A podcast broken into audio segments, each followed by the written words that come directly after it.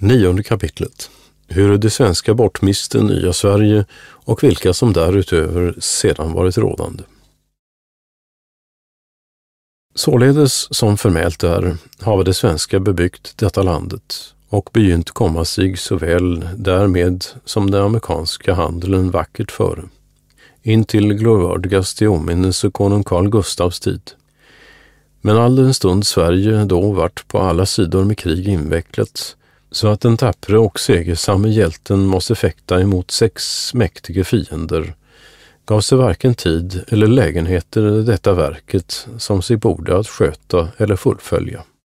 Därtill med blev och de svenska skeppen som till den ändan vore utträdde av spanjon på resan, kejsaren och Polen till favör uppassade och således förhindrade, som doktor Johannes Lokenius betygar. Vid detta tillfälle har sig ej heller holländarna försummat att beflita sig om detta verket till att förstöra, varom och den ädla och höglärde Samuel Pufendorf ut i sin inledning till svenska historien förmäler.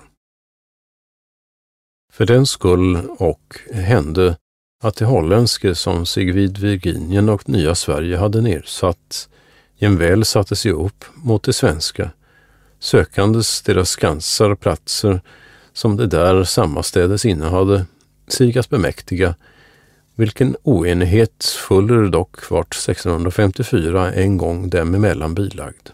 Genom det svenskes dåvarande guvernör Johan Rising med det holländskas Peter Stuyvesant. Men det uppreste sig dock följande året återigen emot dem kommandes den 30 augusti ifrån Nordreviret där Manhattan eller nya Amsterdam var beläget med sju skepp och farkostar till 600-700 man starke under benämnte Stuessons anförande och utan något fientligt förkunnande och given orsak till det svenska ute i Sydreviret och nya Sverige anföllo. Tagandes först sitt nattläge vid Älvsborg som då låg förfallet, vares det tog några fimän till fånga. Dagen därefter seglade de fort Trefaldighets förbi och landstego vid Strandudden där de begynte att uppkasta några retrangementer och strax med hot och persuasion uppfordrade Skansen av kommendanten därpå Sven Schute, vilken och efter något trakterande med fienden måtte densamma åt den på ett listigt och skadligt ackord uppgiva. Då de hava tagit officerarna i arrest ut i Skansen, men de gemena fört på skeppen, besättandes sedan alla posterna med sitt folk, strykandes neder det svenskas flagga och sin istället igen uppsatte. Sedan nu Stuyvesant hade för så ringa pris inbekommit denne Skansen, som var lika som en nyckel för nya Sverige, och med folk och ammunition bäst försedd, belägrade han den 2 september befästningen Kristina tillika med staden Kristinehamn, som ingenjör P. Lindströms avritning utvisar. Förstörandes därtill med den nya Göteborg samt husen som utanför skansarna voro med deras plantager, skövlandes folket av deras egendom och boskapen ihjälslogo. Varför de svenska nödgades efter 14 dagars belägring sedan de med åtskilliga skäl sökt till att reducera honom med sådan fientlighet att avstå. Med bemälte Stuvson ut i arkord att träda och samma skans åt honom i mangel på folk, krut och andra nödtorfter att uppgiva. Dock förbehållit att stycken och allt vad kronan och kompaniet tillhörde skulle av holländarna vid påfordran efter inventarie indhålls som då upprättades igen restituerat vardag. Måste alltså de svenska marschera ut ur Skansen, dock med fullt gevär, flygande fana, gående trummor och pipor samt brinnande luntor. Då han av holländarna vart besatt, den svenska flaggan nedertagen och deras istället igen uppsatt. Officerarna och de förnämsta blev tagna i arrest och förde till Manhattan eller Nya Amsterdam och sedan därifrån till Holland men gemene man vore nödgad att giva sig under holländarna och bliva där kvar. varom såväl guvernör Johan Rising som ingenjör P. Lindström ute sina berättelser här om vidlöftigare förmäla. Men som det holländska detta våld emot det svenska utan någon rättmätig orsak förövade, haver det icke heller mycket länge fått fängna sig därutav. Ty det hände år 1664 att konung Karl II av England skickade en hop folk med fyra kommissarier till Virginien att fördela det bebyggde landet där sammanstädes uti vissa skränkor och skillnader, vilka vid samma tillfälle hava borttagnit ifrån holländarna i förstone deras förnämsta stad Nya Amsterdam och strax därefter fästningen och staden Aurania och Arosafa samt kastellet Delaware, som med svenska och tyska vart besatt, drivandes därjämte bort deras guvernör och måste då det holländska såväl som det svenska bekänna sig till konungen av England och vara honom underdånige. Eljest blev var och en efterlåtet att bliva och besitta sina hus som till förne. Vilket Ricardius Blom i sin amerikanske beskrivning kapitel 5 betygar. Alltså kom och var denne provinsen Nya Sverige under England in till år 1681 då förbemält konung Karl II bortförärade densamma till en adlig person vid namn Wilhelm Penn och det i anseende såväl till dess faders, herr Lord Penn, välbeviste tjänster som hans egna meriter, både åt honom och hans arvingar till evärdelig egendom, så mycket denna provinsen i sina gränser innehåller.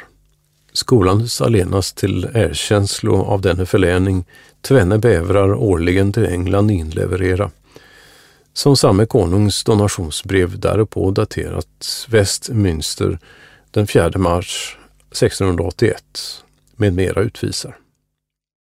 Sedan haver förbenämnt eh, Sir William Penn följande året 1682 den 1 november med 20 skepp begivit sig på resan till detta landet.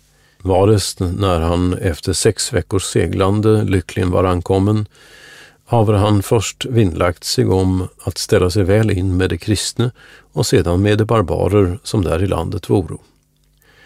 Till att så mycket bättre beveka de kristne till trohet och hörsamhet haver han, förutom andra vackra tillsägelser, strax utgivit en stadga och förordning bestående av följande punkter.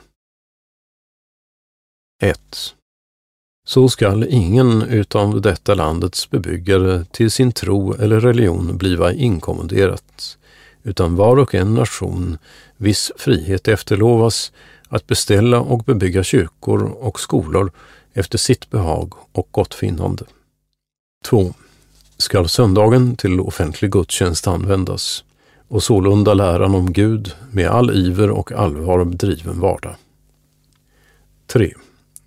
Till att så mycket bekvämligare upptukt ungdomen skålade avsides boende bönder alla begiva sig tillsammans på det det varannan till Guds lov och ett kristligt levande måtte uppmuntra och således jämväl deras barn därtill vante bliva. 4 skola rättegångsdagar på viss tid offentlig hållas, att den ena mått avhöra den andra. 5. Ut i de vid gränsande städer och byar skola vissa domare som hålla lag och rätt vid makt förordnade vara. 6. Skall svordom, Guds försmedande, Guds namns missbruk, trätor, bedrägeri, fylleri och dryckenskap med halsjärn avstraffas. 7. Skola alla hantverkare med sin förordnade taxa tillfreds vara. 8. Skall vart och ett barn som till sina tolv år kommit till något hantverk eller annan redlig hantering haft bliva.